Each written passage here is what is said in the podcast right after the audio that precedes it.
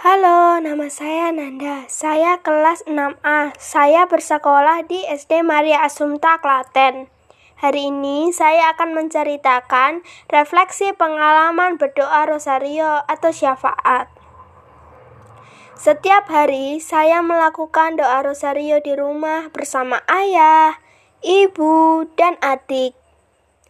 Perasaan saya melakukan doa rosario adalah senang dan bangga karena bisa lebih dekat dengan keluarga dan saya lebih percaya diri memimpin doa rosario.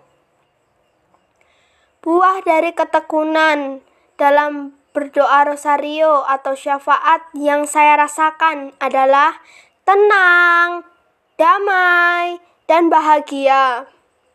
Sadar atau tidak, dalam diri saya sedang dibentuk sesuatu, yaitu saya merasa hidup saya menjadi religius, menjauh dari dosa, dan percaya pada Tuhan, belajar untuk rendah hati, dan patuh pada perintah Tuhan. Demikian refleksi saya. Terima kasih. Berkah dalam.